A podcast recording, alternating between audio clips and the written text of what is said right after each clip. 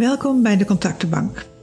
De podcast waar je kunt ervaren dat er geen gewone mensenlevens bestaan. Dat ieders levensverhaal speciaal is en absoluut de moeite waard om naar te luisteren. Ik ben Mirjam Zetlewitzki en interview hier mensen die het aandurven om over hun leven te vertellen.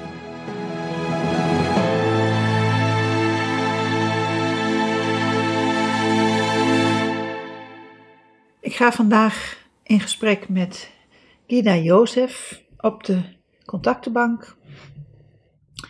Een Nederlandse vrouw die haar vleugels al jong heeft uitgeslagen en op meerdere plekken op ons aardbol uh, heeft gewoond en de wereld heeft onderzocht.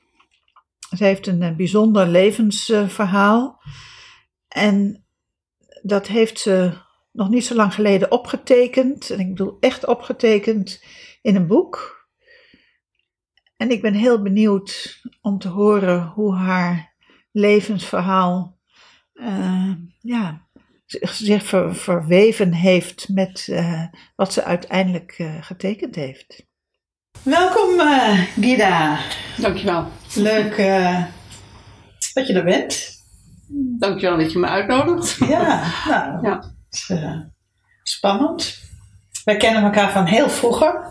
Ja. Van uh, kleutertijd, denk ik, of zo? Ja, dat, uh, ja, van bewust dat ik tien ben, denk ik. Okay. Ja, dat is wat ik me herinner. Bij jouw moeder thuis. exotische moeder. Ja. En, en mijn ouders en jouw ouders, die, die hebben elkaar leren kennen volgens mij ooit in Zandvoort. Maar dat weet ik niet zeker. Maar in ieder geval waren onze ouders en nog een aantal ouders allemaal bevriend. En al die kinderen die kenden elkaar dus. En al die kinderen speelden met elkaar. En ik, ik kende dus jou en je zusje. En, en, uh, en wat ik me herinner zijn inderdaad die hele exotische feesten bij jouw moeder thuis. Uh, ja, daar keek ik mijn ogen uit. dat was heel, heel erg leuk vond ik ja. dat. Ja. En, ja, en daarna echt jaren, jaren niet meer. Nee, ja, tot nu eigenlijk. Ja. Dus uh, hoe lang? 50 jaar zit er tussen? ja. Zijn we wel heel oud als je dat zijn heel, heel oud. Ja, ja, nee, 30 jaar zit er tussen. Nee, nee heel lang zit er tussen in ieder geval, ja. ja. Wil je iets vertellen over jezelf, hoe je groot bent gekomen, waar, geworden, waar kom je vandaan? Wat, uh, hoe zag jouw leven eruit? Um, geboren in Amsterdam. Uh, enigst kind. Heel jammer vond ik dat. Uh, ja, je had broertjes, zusjes willen Ik had heel graag broers en zusjes willen hebben. Maar voor mij is een zusje overleden. en na mij kon mijn moeder geen kinderen meer krijgen. Anders had ze dat denk ik heel graag gewild. en um, dus ik ben alleen opgegroeid. En ik weet dat ik, dat ik uh, heel veel fantaseerde. Uh, en dat ik heel veel mensen om me heen fantaseerde. Ik fantaseerde broertjes en zusjes om me heen. Uh, als ik naar bed ging, dan, dan fantaseerde ik. Dan ging ik niet zo in mijn bed liggen, maar zo in mijn bed liggen. En dwars. Dan, dwars. En dan, en dan speelde ik al mijn broertjes en zusjes na. Er waren een stuk of zeven. En dan, en dan speelde ik dat uh, mijn moeder uh, de visite de kinderen ging laten zien. Want dat deden mensen vroeger. Ja, die, deden, die lieten dan het huis zien, maar die zeiden dan: en dit zijn de kinderen. En dan ging, uh, dan ging mijn moeder in mijn fantasie dus één voor één al die kinderen voorstellen. Uh, dan zei ze hun naam en dan vertelde ze wat over die kinderen. En dan uiteindelijk kwam ze dan bij mij uit. En dat, ik weet dat ik dat spel heel lang heb gespeeld. Ik denk omdat ik zo graag broertjes en zusjes wilde hebben en die had ik dus niet. En, en, en hadden die ook, ook uh, namen of zo? Oh ja, oh, echt? Die hadden ook namen, die kan ik me niet meer herinneren. Maar ik weet wel dat ik dus, dat ik dus fantaseerde uh, rollenspellen deed. Ik had ook, uh, ik was heel, heel veel alleen daardoor. En ik had ook een museum bijvoorbeeld. Ik, ik uh, verzamelde stenen en veren en schelpen en allemaal dingen die ik vond in de natuur. En daar maakte ik dan een museum van in mijn uh, kamer. En dan was ik de directeur van het museum, dan was ik de gids, dan was ik uh, de, degene die de kaartjes verkocht, maar dan was ik ook het publiek wat die dingen ging bekijken. En dan al die rollen speelde ik dan. Ja, ja. Heel zielig, heel alleen. nou ja, ook Ja. heel creatief, ook heel inventief. ja. Ja, ik denk dat daar ook mijn eh, fantasie door gestimuleerd is Ja. wel, denk ik. Maar misschien had ik het sowieso al, dat weet ik niet. Maar ehm, ja, ik weet wel dat ik een, een levendige fantasie had altijd daardoor. Hm. En ik had ook een, een schildpad. Dat was mijn, mijn maatje dan. Dat was wel een heel stil maatje. Maar Ja. Dat was wel een schildpad. Kobus heette die. En ik had een vogeltje. En, en, en een hond op een goed moment. Dat vond ik heel erg leuk. Maar eh, die moest weg op een goed moment. Omdat die was een bokser. Die was heel jong en die was heel speels. En, die, eh, en mijn moeder werkte, mijn vader werkte en ik ging naar school. En dan was die hond alleen. En die, en die maakte dan allemaal dingen stuk. Omdat die, ja, die moest gewoon eh, spelen en Ja. zijn energie kwijt. Dus de hond moest op een goed moment weg. Dat vond ik ook heel, heel erg jammer. Ja. Daarna hadden we een kat. Maar dat was het. Broertjes en zusjes niet, nee. En ja, zo ben ik opgegroeid dus. ehm, op een goed moment ehm, ben ik naar de Rietveld gegaan. Eh, eerst, eerst ja, gewoon naar school natuurlijk. eh, en toen naar de Rietveld. En dat was voor mij een belangrijke periode, omdat ik daar heel erg mezelf vond. En, en ehm, eh, ja, dingen kon doen die ik leuk vond. En, ehm, en daar ook mijn eerste eh, verkering en, en dat soort dingen. Uit, het uitvliegmoment, zeg maar. Hmm. Ja, Toen ben ik gaan reizen. Heel veel. Dat, dat en, en maar even terug naar het Rietveld. Wat Ja. heb je gestudeerd? Ehm, eh, grafische vormgeving met als keuzevak illustreren.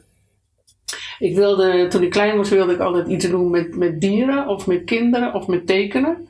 En uiteindelijk ben ik dieren gaan tekenen voor kinderen. dus uiteindelijk doe ik eigenlijk wel alle drie de dingen die ik, eh, Ja. die ik leuk vind daarin. Eh, ja, veel tekenen. Ik ben, ik ben na de Rietveld ben ik, nee eerst nog voor de reizen ben ik eh, naar Londen gegaan. Dan heb ik in Londen een tijdje gewoond om, om ehm, eh, ervaring op te doen van hoe het in het echte leven gaat. Want op school leer je theoretisch alles natuurlijk. Maar ehm, daar heb ik bij studio's gewerkt om, om eh, praktijkervaring op te doen. En eh, toen heb ik. ehm, toen heb ik daar werk gekregen. Ik, en ik ging dus ook rond met mijn werk. Toen heb ik daar opdrachten gekregen om boeken te maken, kinderboeken. En toen ik terugkwam in Nederland had ik dus al een, een hele goede ervaring achter de rug. En al gepubliceerde kinderboeken en in bladen had ik geïllustreerd. Eh, en met dat werk kreeg ik toen gelijk weer werk in Nederland. Want dat was best wel heel bijzonder dat ik dus al met gepubliceerde dingen Ja. aankwam in Nederland. En de ervaring van in Londen in studio's gewerkt te hebben. Dus ehm, toen ben ik bij Nederlandse uitgevers terechtgekomen. En, en sindsdien illustreer ik kinderboeken. Oké, bijzonder. Ja, Mooi. en ook heel erg leuk. Ja, Ja, dat doe ik eigenlijk tot op de dag van vandaag. Kinderboeken illustreren. en, en dat, dat is eigenlijk ook wat je altijd wilde. Dat is, ja, dat is eigenlijk wat ik altijd wilde. En, eh en grafische vormgeving doe ik ook nog steeds dus. Maar na, na die Rietveld en na die ervaring in Londen ben ik toen... had- ik had dus een vriend eh, van de Rietveld ook. En op een goed moment zijn we gaan reizen. Die, die met mijn ouders was reizen, was, eh, betekende met de caravan naar Frankrijk gaan en naar de camping en dat soort dingen. Of in een hotelletje. Dus ik ben niet heel avontuurlijk opgegroeid, helemaal niet. En eh, die vriend heeft mij echt geleerd om te reizen en om gewoon eh, onder de sterrenhemel te slapen en in een tentje of een, op een matje alleen maar ergens in een bos. En toen zijn wij naar Afrika gegaan met de auto. Hij, had mij, hij kon zich een auto permitteren. En dan hadden we een tent op het dak. En toen zijn we, hij wilde heel graag, of wij wilden heel graag, eh, de woestijn oversteken en Afrika zien. En eh, dat hebben we gedaan. We zijn toen met die auto, een jeep was dat, eh, de woestijn overgestoken. Maar toen we eenmaal daar waren, het idee was van een maand of drie, vier dat te doen en dan weer terug te gaan. Maar toen we eenmaal daar waren, toen, toen hadden we eindelijk, of ik in, in ieder geval, eindelijk het gevoel van totale vrijheid. En het idee van, ja, waarom zouden we eigenlijk teruggaan? En bovendien kom je ook allemaal mensen tegen als je reist van, eh, met hun ervaringen. En die dan zeggen van, goh, ben je hier, dan kan je ook uh, daar naartoe gaan. En dat is heel mooi. Dus het was heel erg van, ja, laten we gewoon doorgaan en, en, ehm, en al die dingen gaan kijken. Plus dus die ervaring van, wauw, dit is hoe het is om vrij te zijn. Mm. Zo lang duurde dat wel, drie maanden voordat ik dat gevoel van binnen en van buiten voelde dat ik dat niks meer hoefde. Dat je gewoon kon doen waar je zin in had. Eh, wilde je naar links gaan, dan kon je naar links gaan. Wilde je naar rechts, dan ging je naar rechts. En toen is die reis, eh, toen zijn we heel Afrika doorgereisd. Dat heeft iets van bijna twee jaar geduurd. We zijn gewoon pas na twee jaar teruggekomen. Wauw. En, en dat is een hele, hele, hele belangrijke ervaring in mijn leven geweest. Om, om Afrika te zien, maar ook ja, dat, dat, dat reisgevoel, dat gevoel van alleen maar in die auto wonen. Ja. Dat was, dat was heel erg eh, fantastisch. En, en als je zegt dat dat, dat, dat zo'n impact op je gehad heeft, Mhm, behalve dat het het gevoel van vrijheid, wat je vertelt, eh, aanraakt, mhm. wat, wat heb je nog meer meegenomen uit eh, twee jaar in Afrika zijn? Ehm, ik, ik denk, een, een, zo, nou, sowieso wat ik heel belangrijk vind van reizen, dat je je horizon verwijt. Dat je dus, als je in, in een land als Nederland wordt geboren, dat je dan, ehm, oké, dan, dan, dan ken je de Nederlandse cultuur, dan ken je de Nederlandse gewoontes. En als je alleen maar in Nederland bent en blijft, dan denk je misschien dat dat is hoe de wereld eruit ziet. Dus dat vond ik gigantisch belangrijk om te zien wat er nog meer allemaal bestaat op de wereld. Heel, heel erg dat je bewustzijn eh, een grote opening krijgt, zeg maar. Dus dat vind ik, ik raad ook altijd jonge mensen aan, ga reizen, ga de wereld bekijken voordat je eh, beslist wie je bent, wat je bent, wat je wilt doen met je leven en waar je dat wil doen. Ehm, en, maar, en het andere gevoel is, eh, ik kom uit een heel beschermd gezin met, met een gecompliceerde vader en, en eh, waar alle aandacht naartoe ging. En ehm, ik denk dat het, het weggaan uit dat hele beschermde milieu voor mij heel erg belangrijk is geweest om, om te weten dat ik ook bestond. Ja, ja. En ehm, plus, plus de, de- als je eenmaal eh, gereisd hebt en van reizen houdt, dan, dan krijg je een soort reiskoorts, eh, hou je daaraan over. Dus ik ben sowieso, ja, ik vind niks leuker dan 's ochtends niet weten waar ik 's middags eh, terecht kom als je aan het reizen bent. En, Ja. en, eh, dus dat heb ik aan overgehouden. En dat, dus dat hele gigantisch diepe gevoel van vrijheid. En, eh, en, en andere culturen zien en andere mensen zien en andere levens zien en, en weten wat er ook nog meer allemaal bestaat op de wereld. Eh, dus dat, ja. Ja. Daarna heb ik ook nog heel veel gereisd. In, tijdens die reis eh, ben ik een, een Italiaan tegengekomen, wat later de vader van mijn vader bleek te zijn. Eh, ook een Vader van je kinderen. Van- van- wat zei ik? Vader van mijn vader. Oh jeetje. Kleine Freudiaanse. oh jee, maar. Nee, dat was de vader van mijn kinderen, inderdaad. Ehm, en dat is ook een reiziger, hij is antropoloog. Dus eh, na, na de, die hele lange reis ben ik nog heel veel naar Afrika geweest. Naar andere delen van Afrika, met auto of zonder auto. Met die Italiaan. Met die Italiaan daarna, ja. Hm. Ja, want eh, zeg maar de, de partner die had, dat, dat is daarna afgelopen en eh, ben ik naar een andere, met een andere partner verder gegaan. En, eh, en die was ook in, we hebben elkaar in Afrika ontmoet, in Soudaan. En, ehm, en daarna zijn we nog, ja, we hebben ook nog meerdere reizen gemaakt. Weer, ook weer met een jeep en een tent op het dak. Eh, dus ja, dat is lang doorgegaan. Totdat ik kinderen kreeg. Oh ja, en toen ben ik ook in Italië gaan wonen daardoor. Want ik kwam dus, ja, met een Italiaan eh, die ik daar ontmoette en eh, verliefd werd. En toen ben ik in Italië gaan wonen. Dus eigenlijk vanaf die reis ben ik ook weggegaan uit Nederland. Ja. En ook weggegaan bij mijn ouders. Ik denk dat dat ook heel belangrijk is geweest. Mijn ouders waren. Uh, ja, beschermend, maar ook burgende liefde was een woord wat er toen heel veel mm. in mij opkwam. Uh, vanwege dat mijn vader gewoon uit een moeilijke achtergrond komt. Uh, een concentratiekampsyndroom had. En, en heel bepalend was voor ons gezin. En uh, naar Afrika gaan is denk ik een doorbraak geweest daarin. En daarna in Italië gaan wonen. Het was een verlengstuk daarvan. Uh, en ja, dat is wat ik gedaan heb. Toen ben ik in Italië dus terechtgekomen. Uh, toen zijn we in een, in een waanzinnig mooie boerderij op het land, op een heuvel in Italië, in Umbrië, terechtgekomen. Een huis zonder elektriciteit, zonder stromend water. Daar heb ik zeven jaar gewoond. En, en mensen zeiden dan, jeetje, hoe kan je dat doen? in zo'n huis wonen. Maar ik, mijn ervaring was twee jaar lang in een auto wonen. Mm. Uh, in één kubieke meter, zeg maar.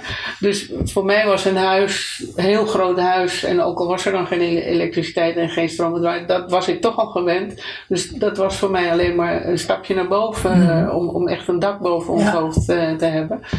Dus dat, dat kon ik. Dat was heel romantisch. Olielampen en, en jerrycans water in het dorp bij de pomp halen. Um, en uh, ja, er was zelfs geen wc in het begin. Uh, geen wasmachine uiteraard, niks. En, maar heel romantisch was dat. En het was heel romantisch totdat ik kinderen kreeg, daar, ook op die plek. En, en toen was het niet meer romantisch, want toen werd het gewoon ontzettend zwaar en heel erg moeilijk. Ja. Uh, want met een baby, uh, het was ook een best afgelegen plek. En uh, in het begin had ik dan nog idealistische ideeën van geen luiers en alleen maar met van die katoenen luiers en dat soort dingen. Maar daar ben ik toen heel snel van teruggekomen. Dat was gewoon niet uh, vol te houden. Um, toen, dus toen zijn we uiteindelijk na twee, drie jaar, tweede kind is daar ook nog geboren, mijn tweede zoon. Um, en allemaal, het was allemaal een geweldige en fantastische ervaring, maar het, het werd gewoon heel zwaar. Het was, uh, een zware tijd, praktisch gezien, zeg maar. Eh, plus dat de, de vader, uh, die ging gewoon door met reizen, want die deed hij ook voor zijn werk, die ging gewoon naar Afrika. En dan zat ik daar in die, in die boerderij, geen telefoon, dat bestond toen allemaal nog niet. Uh, uh, en dan, ja, dat, dat was wel moeilijk, een beetje een moeilijke periode. Want hij ging gewoon door met reizen ja. en ik niet. En ja, dat was een beetje ingewikkeld. Uh, ook heel alleen, zo te Ook heel alleen. Dat was ook heel alleen, omdat ik uh, in het begin de taal uiteraard niet sprak. Ik sprak geen Italiaans en, en ik kende daar natuurlijk niemand. En uh, totdat ik kinderen had, vond ik het allemaal geweldig. Want als het koud werd, dan gingen wij naar Afrika. En, en als het dan weer warm was, zaten we weer in Italië. Dus het was perfect leven. Maar met kinderen, in het begin dacht ik ook van, oh, dan gaan we gewoon door met reizen. Maar dat, dat was helemaal niet zo. Uh, dus dan, dan miste ik ineens mijn vriendinnen heel erg, die ook kinderen hadden, om ervaring uit te wisselen. En uh, ja, dat was best een beetje moeilijk, ja.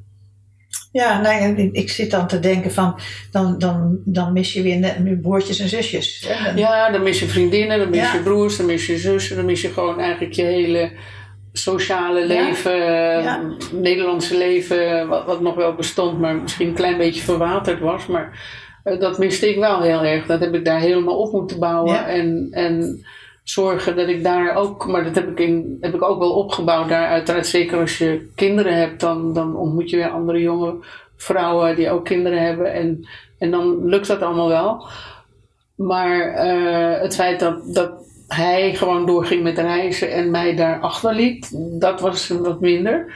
Um, uiteindelijk zijn we daardoor ook, denk ik, uit elkaar gegroeid. Mm. Uh, ik, ik voelde me uh, ja, in de steek gelaten, denk ik wel heel vaak, in allerlei opzichten. En um, toen, ja, daardoor ben ik toen maar een geweldige tijd. Later zijn we in een ander huis gaan wonen, waar wel knopjes waar een beetje het licht aan kon doen en zo. en uh, dat was een fantastische tijd, mijn meest gelukkige tijd, denk ik, met kinderen, met kippen, met, met uh, hond, katten, een moestuin, notenbomen. Ja, dat soort leven, dat is echt mijn ideale. Klinkt ook romantisch. Super, was ook hartstikke leuk. Vond ik ook ja, dat is gewoon wat ik het allerleukste vind. Mijn droom was altijd vanwege dat ik zo alleen was.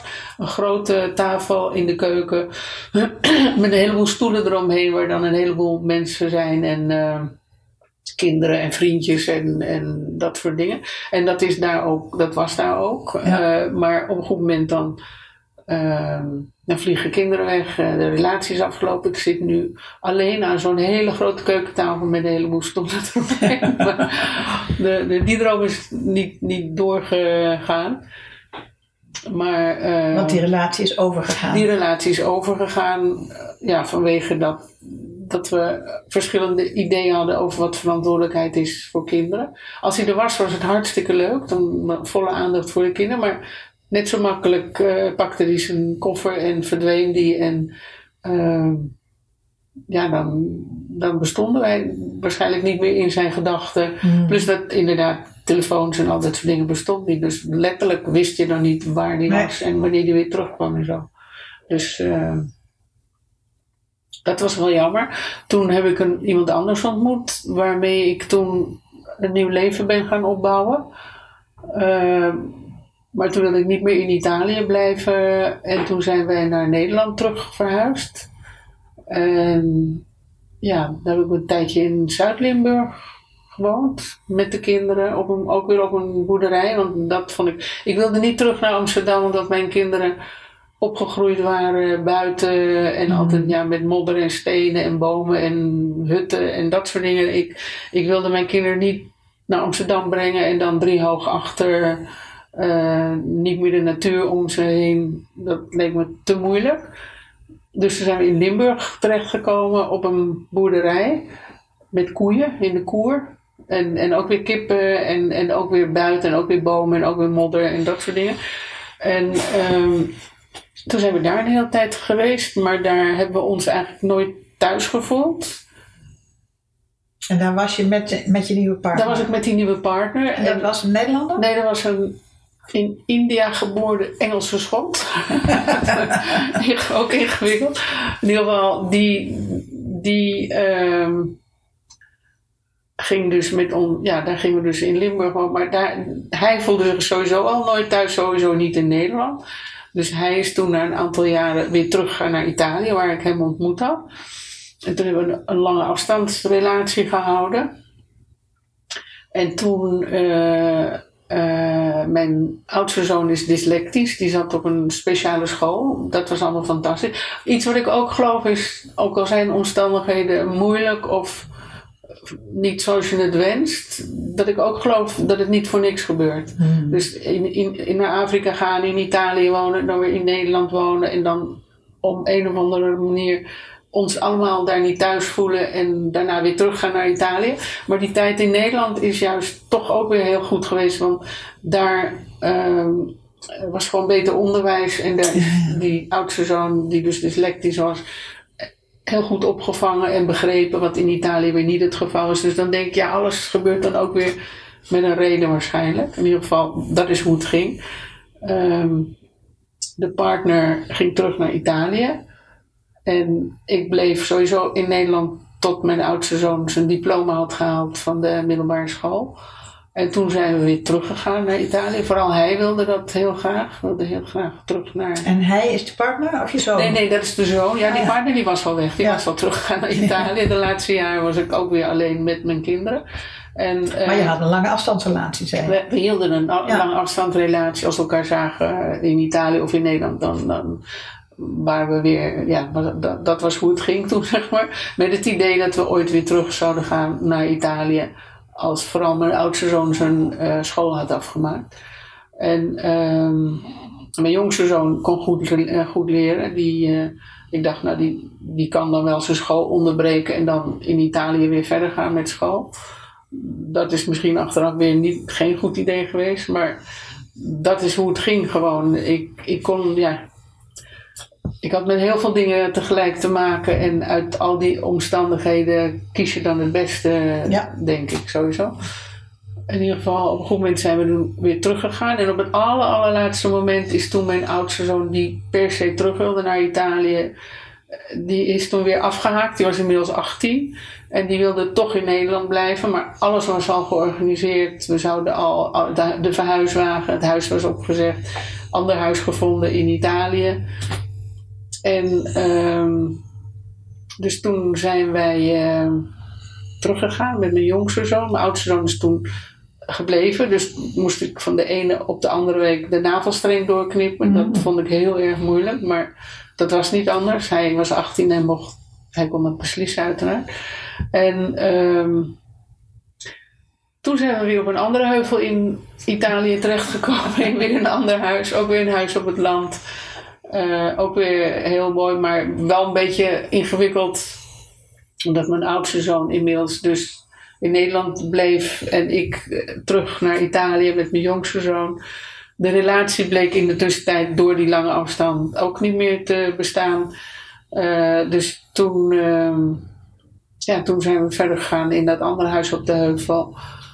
En, eh, met z'n tweeën, jij, jij met je zoon. wel met die, met, die, met die relatie, maar het huis was dermate groot dat hij dan aan de ene kant kon wonen en ik aan de andere kant. En we Oké. bleven ook vrienden, dus dat was verder oké. Eh, maar hij had zijn leven, ik had mijn leven, maar we woonden wel in hetzelfde huis. Dat was eh, hoe we dat deden.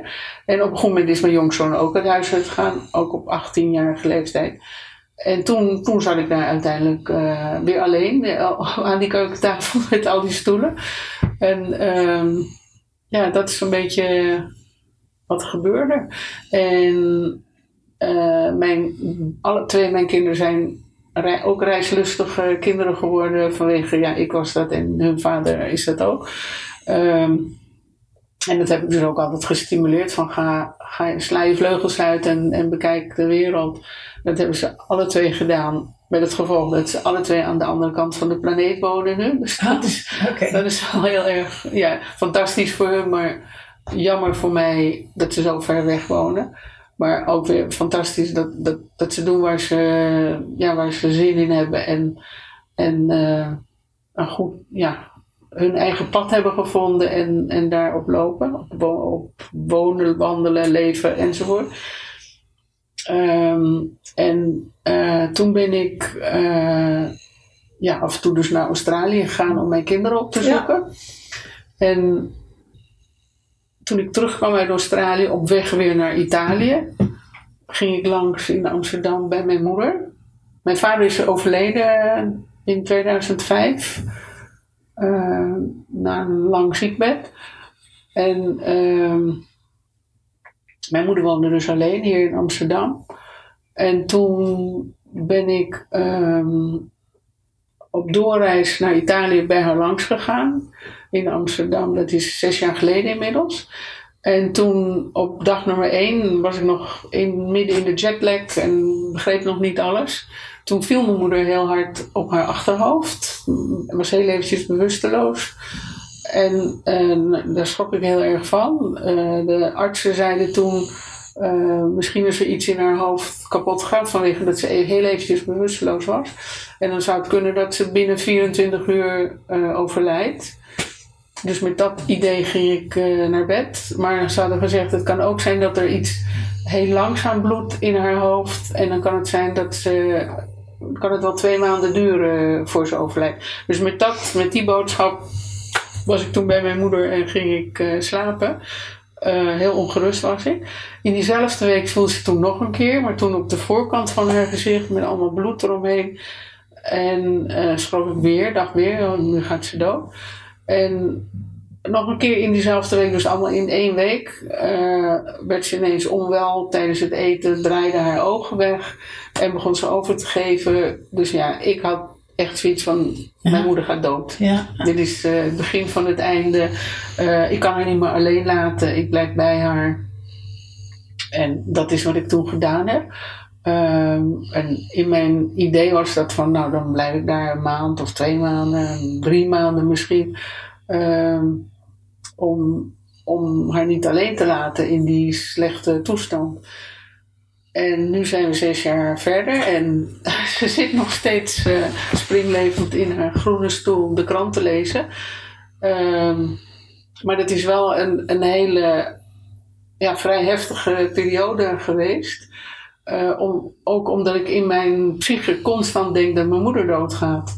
En um, in die tijd uh, heb ik toen ontdekt. En ik woonde daar dus in huis. Ik was daar ja.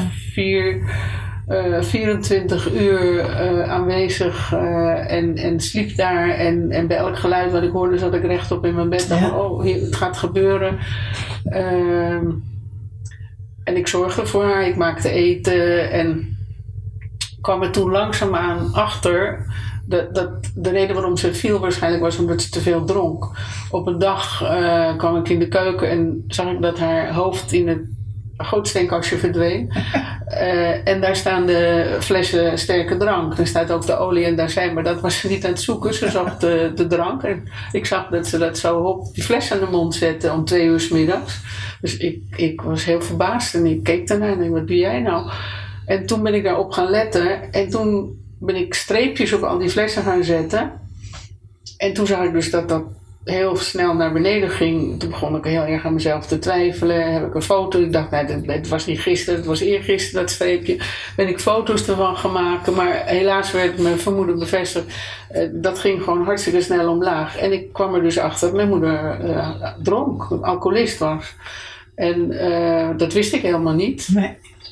Maar dat verklaarde wel waarom ze viel. Want ja. Uh, later heeft de arts me ook uitgelegd van als je sterke drank drinkt, dan daar zit heel veel calorieën in, dan heb je geen honger meer. Dus hoogwaarschijnlijk viel mijn moeder vaak omdat ze gewoon helemaal niet meer at. Ze zorgde niet meer voor zichzelf. Ja. Ze dronk alleen maar en ze was gewoon ladderzat. Uh, dus dat was een ontdekking voor mij uh, waar ik heel erg voor schrok. Ja, begrijp ik. Ja, ik ben heel boos geworden op haar. Ik, ben, ik heb alles geprobeerd met, met kwaad worden, met, met humor, met lachen, met huilen, met weet ik veel wat allemaal. Want ik wilde niet dat ze dat, ze dat deed, maar dat deed ze dus wel. En uh, toen ben ik een cursus gaan volgen uh, bij de Jelini Kliniek, uh, omgaan met verslaafde mensen. En daar heb ik toen geleerd dat je er helemaal niks aan kan doen, tenzij de persoon zelf dat wil. Ja. Maar dat was niet het geval. Mijn moeder vindt het gewoon lekker. En uh, dus toen is er een periode geweest dat ik dat ben gaan accepteren en, en ben gaan uh, loslaten. Ik koop de drank voor haar. Ik zorg dat het gewoon altijd goede voorraad is. En, en zij drinkt gewoon uh, rustig door. dus dat was een hele moeilijke ontdekking, vond ik.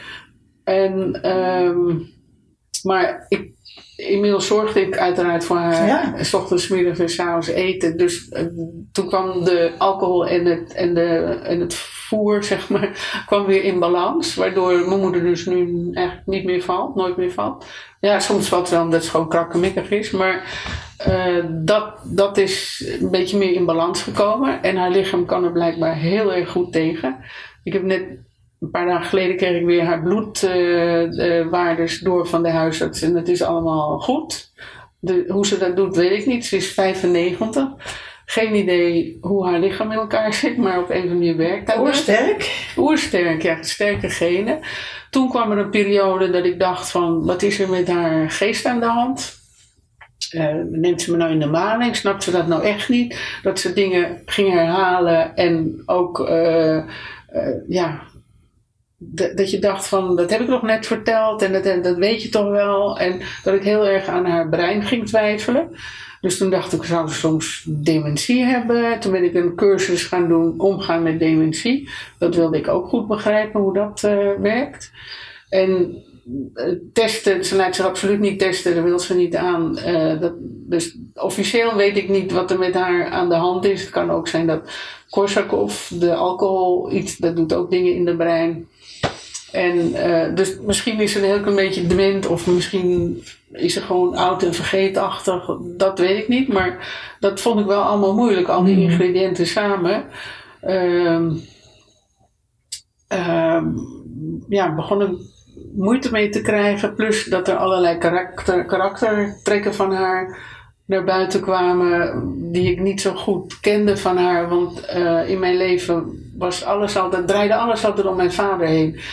Uh, die, die was gewoon moeilijk vanwege dat concentratiekampsyndroom. Die ging vanaf dat ik tien was naar de psychiater. En, uh, en alles draaide eigenlijk altijd om hem. En mijn moeder die heeft hem leren kennen als verpleegster. Na de, na de oorlog is mijn vader was meer dood dan levend. Is op een moment met TBC en allerlei andere kwalen in een sanatorium terechtgekomen. Waar mijn moeder verpleegster was. En zo hebben ze elkaar leren kennen. En dat rollenpatroon is denk ik nooit veranderd. Mijn vader is zijn leven lang de patiëntenrol blijven spelen en mijn moeder de verpleegsterrol. Ja. En ik als kind uh, had te maken met twee ouders die eigenlijk niet lekker in hun vel zaten, denk ik. En hulpbehoevend waren. En, en als kind realiseer je dat niet, maar je gaat dan automatisch eh, zorgen. Dat is in ieder geval wat ik ben, ben gaan doen. Ik ben gewoon altijd gaan zorgen dat alles goed ging. En mijn vader was denk ik vrij ongelukkig. En dus automatisch wil je dan als kind dat je vader gelukkig wordt. Dus je deed alles om, om er te zorgen dat, dat het goed ging. Ja dat is hoe mijn karakter getraind is, zeg maar. Maar mijn moeder ook, denk ik. Die is altijd uh, die, die soort verpleegster geworden. Maar die, die zag het af en toe ook denk ik niet helemaal goed zitten. Dus um, de aandacht ging daardoor altijd naar mijn vader toe. Dus toen ik zo ontzettend veel met mijn moeder te maken kreeg, 24 uur op 24 uur, begon ik allerlei karaktereigenschappen van haar te zien die ik, waar ik nooit op gelet heb. Ja, Dus uh, ik kwam erachter dat zij een bepaald soort vrouw was waar ik niet goed mee overweg kon altijd. Uh, een, uh, een eigenwijs, heel erg eigenwijs. En bijvoorbeeld met die drank, dat niet willen zien, autorijden, willen blijven autorijden terwijl dat eigenlijk helemaal niet meer kan. Allerlei dingen waar ze ongelooflijk eigenwijs in was en waar ik heel veel moeite mee kreeg. Waardoor ik op een goed moment ontzettend gefrustreerd werd en geïrriteerd werd en af en toe wanhopig was. En met die gevoelens ben ik toen uh, dat wat ik meemaakte met mijn moeder, ben ik gaan tekenen. Oké. Ik heb in, in, in Italië, in Rome, had ik een master gedaan uh, arttherapie. Uh, drie jaar lang. Dus zeg maar omgaan met mensen die niet op een normale manier kunnen communiceren. En dan door middel van wat voor vorm dan van kunst ook. Ehm, met die mensen kunnen communiceren. En een ervan is wat, wat ik dan, je kan dan zingen, dansen, eh, schilderen, tekenen, van alles. Uh, mijn manier is dan tekenen. En uh, ik, ik ben het dus op mezelf gaan toepassen. Ik ging heel vaak naar een vriendin overdag, uh, die een fantastisch atelier heeft. En die zelf ook aan het tekenen was en ook haar ervaringen aan het, zeg maar, je brein via je arm, via mijn tekenpen uh, aan het opschrijven en tekenen was. En dat ben ik toen gaan doen. Dan ben ik zeg maar alle, alle fratsen en, en vreemde dingen die mijn moeder deed en zei, ben ik gaan tekenen. En um, de dingen die zij deed waren voor mij heel vaak heel erg irritant. Maar voor iemand uit de buitenwereld waren ze heel komisch. Ja. En uh, de manier om daarmee om te gaan was via mijn gevoel voor humor. En ernaar te kijken als, alsof ik niet haar dochter was. Ja, zeg maar de dingen waar, als je niet haar dochter was, waren het gewoon hele grappige dingen die ze deed en die ze zei. En uh, op die manier heb ik dat op een of andere manier kunnen verwerken, denk ik. Dus toen ben ik uh, inmiddels drie, vier jaar lang gaan tekenen.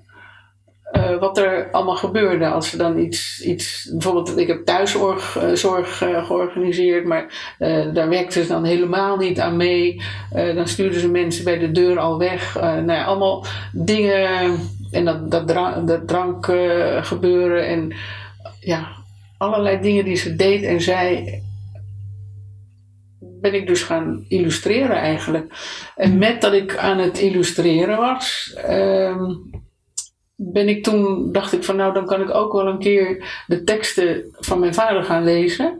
Mijn vader, omdat hij dus bij de psychiater liep, wekelijks, vanaf dat ik tien was, dus wel 30 jaar lang, was mijn vader altijd bij de psychiater. Uh, en die hadden hem toen aangeraden van schrijf op, schrijf je ervaringen op. En dat heeft hij toen gedaan in de jaren 80 ergens. Is hij al die ervaringen op gaan schrijven. En dat werden hele lange blaadjes met zijn, met zijn uh, ervaringen. En, uh, en dan zei hij ook altijd tegen mij, als je het wil begrijpen, dan uh, moet je dat maar lezen. Maar dat was een beetje een dreigend iets. Uh, dus ik had eigenlijk nooit zo heel veel zin om dat te lezen, want ik vond het al zwaar genoeg om bij mijn vader in huis met hem te wonen en te leven. dus daar had ik nooit zoveel zin in. Maar nu dat ik bezig was met mijn gevoelens met mijn moeder te verwerken via tekenen, dacht ik, ik ga nu ook die teksten lezen. En dat waren ja, gruwelijke teksten. Dat zijn zijn ervaringen voor, tijdens en na het concentratiekamp. Dus dat was uh, zware. Heftig. Ja, zware materie. En ik heb ook heel erg een manier moeten zoeken om, daar, om dat te kunnen lezen. Omdat het zo gruwelijk was dat, dat ik ja, soms door je tranen heen de teksten niet meer kon zien. Dus ik moest een manier vinden om daar uh, met een gezonde afstand naar te kijken. En die manier heb ik op een manier gevonden. Dat is ook een beetje de manier waarop hij de dingen beschrijft. Zonder emoties bijna. Maar bijna van nou, dan deden ze dit en deden ze dat. Dan werd die opgehangen en dan werd ik daar geschopt, bla bla bla zo. Dus heel droog eigenlijk. En hij had zelf al die afstand ingebouwd. Hij had zelf met het beschrijven had hij al een afstand ingebouwd. Hij beschreef het echt. En uh, dat is ook zijn manier waarop hij, denk ik, altijd met zichzelf is omgegaan. Want ook bij de psychiater. Als de psychiater te dicht bij de pijn kwam, dan ging hij weg bij de psychiater en dan ging hij naar een andere psychiater. Hij wilde gewoon niet naar die pijnplek toe gaan. Hij wilde erover praten tot op zekere hoogte. Maar hij, zijn angst om bij die pijn uit te komen was dat hij dan doodging alsnog. Ja. Uh, daar, daar, kon hij, daar, daar, kon hij gewoon niet aan, denk ik. En uh, net zoals ik op die manier die tekst moest lezen, ik, ik kon niet in die materie duiken. Hmm. Dat kon ik denk ik zelf ook niet aan. Ik ben op internet allerlei dingen gaan opzoeken. En dan keek ik naar foto's van de kampen. En dan dacht ik wel, misschien staat mijn vader erbij. Misschien ligt mijn oma daar erbij die vergast is. Eh, als je daarin gaat, dan kan je daar niet naar kijken. Tenminste, ik niet. Dus ik moest wel op een, op een soort droge, beschouwende manier die teksten lezen. En die ben ik dus ook gaan illustreren. En... Um, dat, dat was wel met een idee om ooit iets daarmee te doen. Als ode aan mijn vader en aan zijn leven. Om daar ooit misschien een boekje van te maken of wat dan ook. In ieder geval toen, dat, was ik aan het doen. En uh, die vriendin, haar boek die, dat was uitgegeven. Bij wie je op het atelier zat? Ja, die ja. vriendin bij wie ik op het atelier. Die zag dus, ik liet het nooit aan iemand zien, want ik wilde daar helemaal totaal vrij in zijn. Ik wilde niet dat iemand zei: wat ben je nou aan het doen? Of kan je niet beter dit? Of kan je... Ik wilde totale vrijheid, dus ik liet het nooit aan iemand zien. Maar zij zag het allemaal wel. En zei wel vaker van, wauw, daar moet je een boek van maken. Hè? Maar eh, daar was ik helemaal nog niet klaar voor. Uit uit voorzorg van stel dat ze dat dan niks vinden, dan hou ik gelijk op met tekenen. Dus ik wilde alles kunnen tekenen in volle, volledige vrijheid. Um, maar op een goed moment, ik was in Australië, kreeg ik een e-mail van haar uitgever. Dat zij daarover gepraat had met die uitgever wat ik aan het doen was. En die was geïnteresseerd om het te zien. Uh, dus toen ik terug was in Nederland, heb ik al mijn werk aan haar laten zien. En zij wilde daar zeker een boek van maken. Dat, vond ze absoluut uh, dat het uh, de moeite waard was. En, um, en toen dacht ik nog van nou, dan wordt het een boek over mijn vader. Nee, zei ze, het ook, gaat ook over je moeder, dat moet er ook bij. En toen dacht ik nog, het is een boek over mijn vader en over mijn moeder. En toen zei zij, nee, het is een boek over jou, hoe jij je vader en je moeder mm. hebt beleefd. Mooi. Ja, dus toen heb ik uh, onder haar begeleiding nog een heel jaar er ook nog aan gewerkt. Om, om zeg maar vanuit mijn standpunt uh, al die dingen aan elkaar te breien. En um, een, ja, een, een, mijn beleving van mijn ouders uh, boek te maken. En dat is nu een boek geworden. Dat is nu uitgegeven. Het heet De Rode Draad. De Rode Draad. De Rode Draad. Uitgegeven bij Nijg en Van Ditmar. Ja. En, um, En uh, met dat het boek nu uitgegeven is, uh, krijg ik heel veel reacties van mensen die dat boek lezen. En realiseer ik me wat voor boek ik heb gemaakt. Want met dat ik het aan het maken was, realiseerde ik mij dat niet. Maar. Um, en wat voor boek heb je gemaakt? Het, het, is dus een boek wat vertelt vanuit, gebaseerd op de, dingen die mijn vader heeft geschreven. En daar zitten dan mijn interpretaties in. Want met dat ik bijvoorbeeld die dingen van mijn vader las, kwamen er bij mij herinneringen naar boven. Bijvoorbeeld, er is een, een, een stuk waar mijn vader dus letterlijk beschrijft hoe die wordt geschopt door de SS. En op zijn scheenbenen en hoe die naar wonden heeft en die maar niet over willen gaan. En. Um, en hoe die dat moet verbergen, want je moet ook niet in de ziekteploeg komen, want daar kom je nooit meer levend vandaan. Dus uh, dat is iets wat hij beschrijft. En um, toen ik dat las, kwam bij mij een herinnering naar boven. Toen ik een jaar of zeven was, mijn vader droeg altijd nachthemden. En daar staken altijd zijn benen onderuit. En op die benen zaten allemaal hele rare littekens die ik heel erg lelijk vond en waar ik me voor schaamde. En ik weet nog, en dat is dus een herinnering die ik daarna dus ook opschrijf en die ook dan in het boek komt. Dat toen ik dus inderdaad een jaar of zeven of zo was en met een vriendinnetje naar huis kwam en mijn vader waarschijnlijk ziek was, want hij liep in zijn nachthemd rond. En die benen staken er onderuit. Mm. En ik schaamde me daarvoor, dus ik, ik weet nog dat gevoel dat ik zo snel mogelijk dat vriendinnetje naar mijn kamer loodste om die benen maar niet te zien. En dus dat soort dingen zet ik dan naast elkaar. Eh, zeg maar de, want ik, ik, dat wist ik toen niet dat dat kwam omdat SS daar tegenaan had geschopt. Uh, maar, maar dat zijn dus dingen die ik nu nu ben ik 70, aan elkaar brei. Mijn herinneringen van vroeger. En, uh, en, en, en de beschrijvingen van mijn vader. Dus dat, is één ding uh, wat, wat dus in het boek zit. Uh, de, de beschrijvingen van hem en mijn daardoorheen gebreide herinneringen. En, uh, en het andere deel is dus dat wat ik meemaak met mijn moeder. En ehm, hoe moeilijk ik dat vind af en toe en hoe frustrerend ik dat vind. Want als je eenmaal, ik ben dus mantelzorger en als je uh, mantelzorger bent, dan eh, ben je ineens verantwoordelijk totaal voor het leven van iemand anders. En in dit geval dus je moeder, mijn moeder, die ik soms zo ontzettend irritant vind dat ik er wil slaan. Maar dat kan niet, want het is mijn moeder. En waar ik eigenlijk helemaal geen zin in heb om mijn hele leven on hold te zetten, wat ik dus heb gedaan. Mijn leven in Italië, dat, dat bestaat even al, nou, al zes jaar even, niet meer. Ja. nee, al zes jaar niet meer.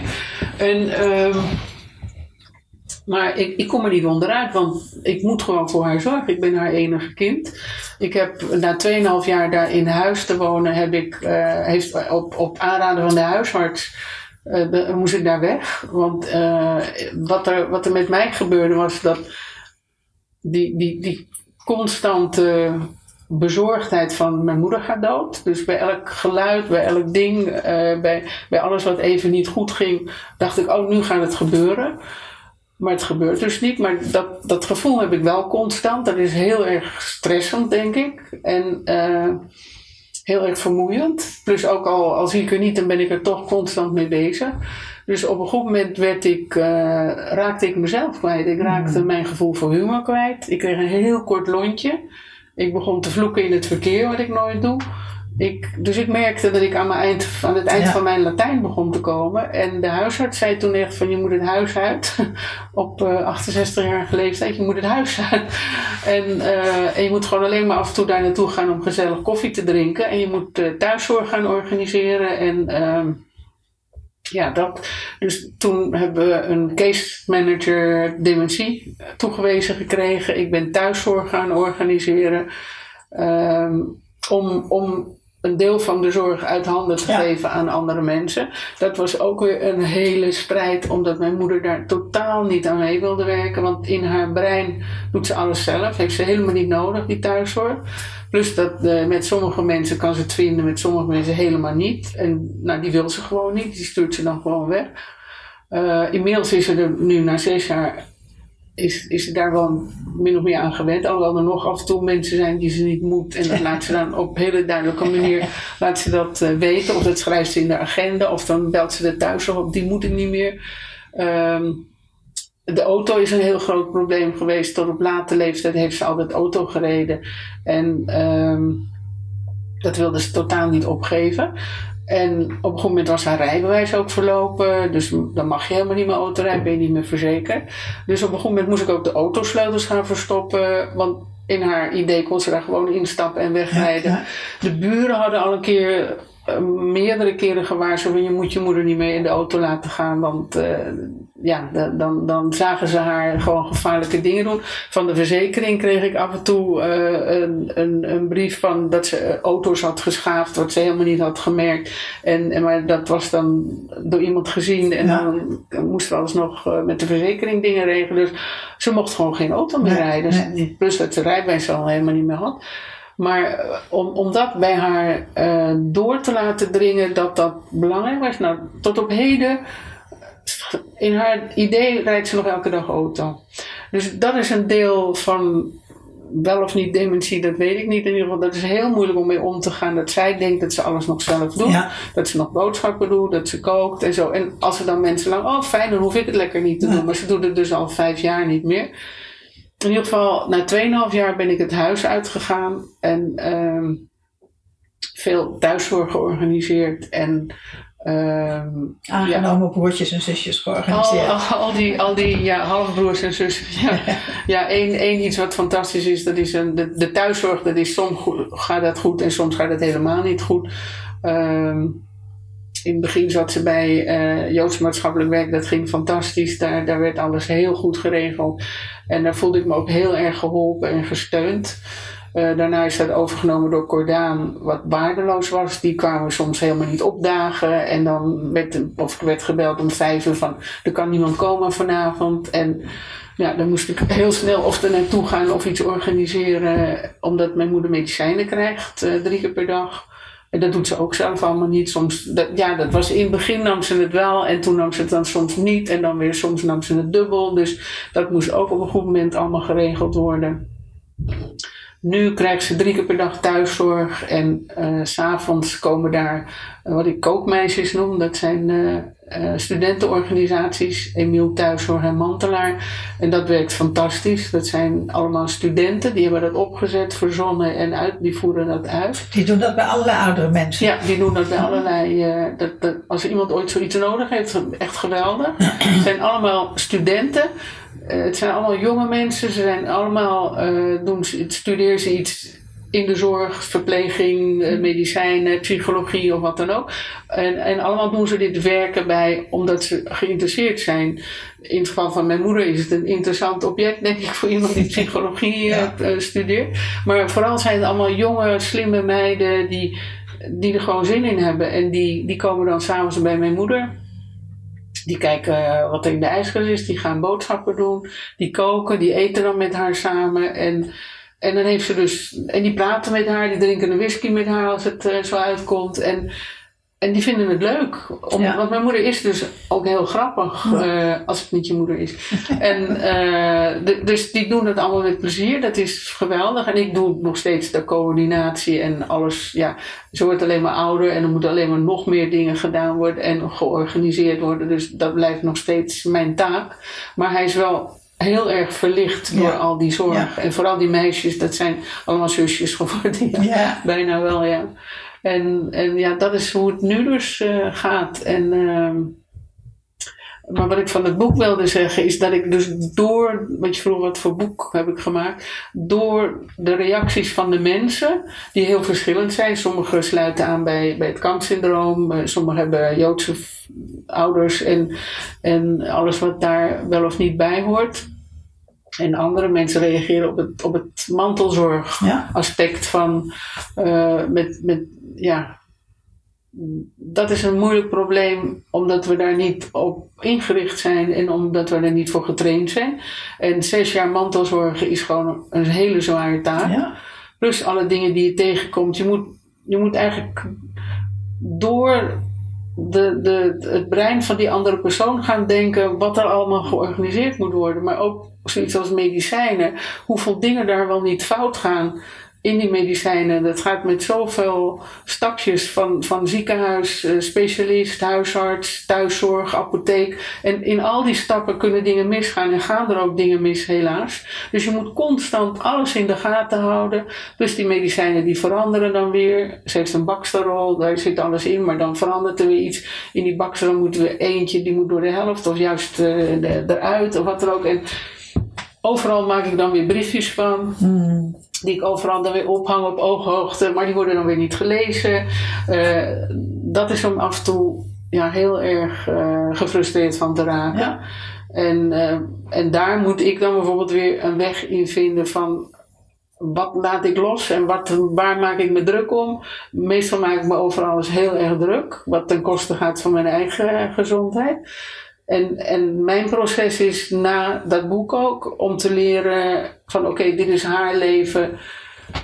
Maar tegelijkertijd ben ik ook verantwoordelijk, want het is gewoon mijn moeder die heel oud is en die gewoon niet meer oordeelsbekwaam is en, en gewoon haar eigen leven niet meer kan uh, begeleiden en, en verzorgen. Hmm. Dus een ik vind het een hele moeilijke taak. Ja. Dat. Ja. En, en uh, maar en, en een ander aspect van het boek is. Uh,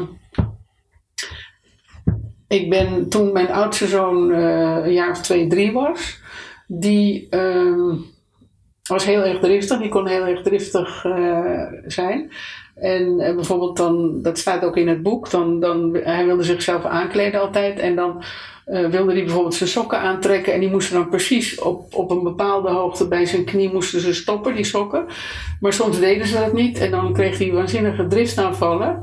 Maar het merkwaardige was dat ik nog veel grotere driftaanvallen kreeg daarvan. Ik werd zo woedend, omdat hij zo woedend was. En ik realiseerde me toen van, hé, hey, dit is niet normaal. Ik word zo verschrikkelijk boos op zo'n klein kind dat, dat heeft niks met het jongetje te maken, dat heeft met mezelf te maken. Dus dat is wat er gebeurd is toen ik dus ja, in de dertig was ergens. En me realiseerde dat, dat die woede die ik voelde, mijn ongeuite woede naar mijn vader was. Ik, ik ben altijd een heel braaf kind geweest. En heb altijd uh, heb heel erg leren op eieren lopen. Want ik mocht mijn vader vooral niet boos maken. Dus al mijn frustratie en wanhoop en woede heb ik opgekropt. Nooit durven uiten. Ik ben daardoor een heel braaf kind geworden. En uh, toen mijn zoon dus die driftafvallen kwam, kwam dat naar buiten. En ja. dat realiseerde ik mij. En dat is een heel belangrijk iets in mijn leven en ook in dat boek. En daarom heet het ook De Rode Draad. Omdat ik uh, mijn onverwerkte trauma, als je het zo wil noemen, of wat dan ook, frustratie. Uh, dat zit sowieso natuurlijk in mijn systeem, maar ik wil dat niet doorgeven aan mijn kinderen. Ja. Dat is eigenlijk waar, wat ik me realiseer, wat ik met dat boek gedaan heb. Dat ik je wordt geboren met je eigen bagage, met je eigen programma, met je eigen gereedschap, zeg maar. Maar daarna uh, wordt dat door je ouders begeleid, of niet. Maar je wordt ook geboren met de bagage van je ouders. Als zij, alle bagage die zij nog niet uitgewerkt of verwerkt hebben, die krijg je er ook gratis bij als je geboren wordt. Dat is wat ik me realiseer dat er in dat boek eigenlijk staat ook. Um, dat je, zodra je dat beseft, wat jij allemaal bij je hebt aan bagage, dat je daar dus iets, als je bewust daarvan wordt, dan kan je er iets mee doen of niet. Als je er niet bewust wordt, gebeurt er niks mee waarschijnlijk. Maar dat is wat er met mij gebeurt, dus met mijn oudste zoon. Uh, dat ik me daar bewust van werd. En toen ben ik ook heel erg gaan zoeken naar waar ben ik mee bezig, wie ben ik, waarom doe ik dit, en waar komt het vandaan, wat kan ik er aan doen, wat kan ik er van schoonmaken. En uh, in de hoop dat ik dat dus niet aan mijn kinderen doorgeef, mijn eigen onuitgewerkte frustratie, zeg mm. maar. En, um, maar ik ben nu al 70, dus het is best al een heel leven. Mm. En um, ik weet ook niet hoe ver je zo'n draad door kan knippen, want je bent ook wat je bent geworden dankzij die ouders. Ik, ik ben, het is absoluut geen klaagboek, het is een boek wat beschrijft. En de eindconclusie is ook van, ik ben ook dankbaar dat ik zo'n vader heb gehad en zo'n moeder, want daardoor kom ik dus alle dingen in mezelf tegen. Kinderen laten je ook allerlei dingen zien over jezelf. Dus dankbaar naar mijn ouders, dankbaar naar mijn kinderen, dat ik daardoor alle dingen heb uit kunnen vogelen en werken en, en ben wie ik ben. Dus Mhm. ja, dat is eigenlijk wel een beetje de, ook de eindconclusie van het boek. Ja. Ik weet niet of alles doorgeknipt is, maar in ieder geval een, een groot deel is, is verwerkt al met mijn vader en nu misschien ook met mijn moeder. Alhoewel ik nog steeds wel af en toe momenten heb dat ik niet goed weet eh, wat ik los kan laten of mag laten. Dat vind ik nog steeds wel heel moeilijk. Het blijft toch een, een, een zorg. Je kan toch niet een oud, verkreukeld vogeltje die je moeder is eh, in de steek laten. Nee, nee. Dus, Maar dat doe je al zes jaar niet. nee, dat doe ik al zes jaar niet. Nee. Want dat huis in Italië staat er ook nog steeds. Dat huis in Italië, dat staat er nog steeds. Daar staat, daar staat mijn hele hebben en houden. Daar, ja, daar woonde ik dus. Daar heb ik ook een partner. Die, daar heb ik nu een hele lange afstandsrelatie mee. Eh, ja, nee, alles heb ik losgelaten. Maar ook, ook mijn, mijn hele leven. Maar aan de andere kant eh, denk ik dan ook weer... Ja, dat, dat heb ik allemaal losgelaten. Maar daardoor heb ik nu wel een boek gemaakt. ja, ja. Dus ja, alles, alles heeft dan weer... Elk nadeel heeft zijn voordeel, ja. Ja, ja. Ehm, En, en eh, wat, eh, wat is de reactie van je kinderen op het boek? ja, die vinden het... eh, die zitten dus heel ver weg. Die, Ja. die, die, die- ja, die vinden het wel heel goed. En ik weet niet wat zij er weer mee doen. Zover zijn we nog niet. Het boek is nog maar net uit. Ja, Ehm, die zijn er geloof ik wel blij mee met het boek. En eh, het is natuurlijk ook wel raar om van je eigen moeder eh, al die dingen te lezen die, die je niet echt altijd besproken hebt. Eh, het is ook een ode aan mijn vader en aan hun opa. Het was trouwens een hele lieve en schattige opa. Dus heel veel met, met hun gespeeld en, en ja, heel erg leuk. Dat was leuk. Maar ze weten ook dat het een, een gecompliceerde man was. Ehm, en ja, ik hoop dat zij er ook eh, een, een stukje bewustzijn van meekrijgen. En mijn jongste zoon heeft nu ook net een, een baby, een dochtertje gekregen. Dus ik denk dat sowieso al die dingen. Maar eh, goed, dat, dat is helemaal aan hunzelf, denk ik, wat er wel of niet met hun gebeurt. En of zij zich realiseren dat zij van mij, van hun ouders, er weer bagage mee hebben gekregen. En dat ze dat ook misschien weer, ook weer draden door te knippen hebben. Dat weet ik niet, maar dat is echt, denk ik, heel erg aan hun Hmm. wat ze er wel of niet uithalen. Net zoals alle reacties op het boek heel verschillend zijn. Sommigen reageren op het vaderdeel, op anderen op het moederdeel, anderen op, op mijn deel misschien. Eh, dus ja, dat is net wat iedereen eh, erin leest en in herkent, denk ik. ja, Ja. Al die dingen. mooi. Ja.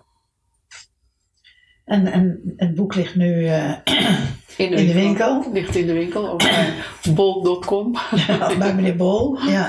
Nee, doe maar bij de winkel. De Maar de- winkel- nee, nee, absoluut. is- Winkels moeten gesubsidieerd. Ja. Ja, nee, zeker. Ik bedoel meer van. ehm, het, het, boek is af, het kind is gebaard. Ja, ja, ja. Ja, was zwaar bevalling. Ja, dat geloof Ja, ik. het was een hele zware bevalling. Zo zwaar dat ik nu helemaal niks meer doe. Ja, dat was wat met mijn vraag een beetje. En wat Ja, nu? ja, ja nee. ik- het, het is blijkbaar veel zwaardere bevalling geweest dan dat ik dacht. Want ik heb. Maar dat komt denk ik ook een beetje door deze tijd waar we in leven, die ik ook eh, niet makkelijk vind. De corona bedoel je? De corona Ja. bedoel ik dan, ja.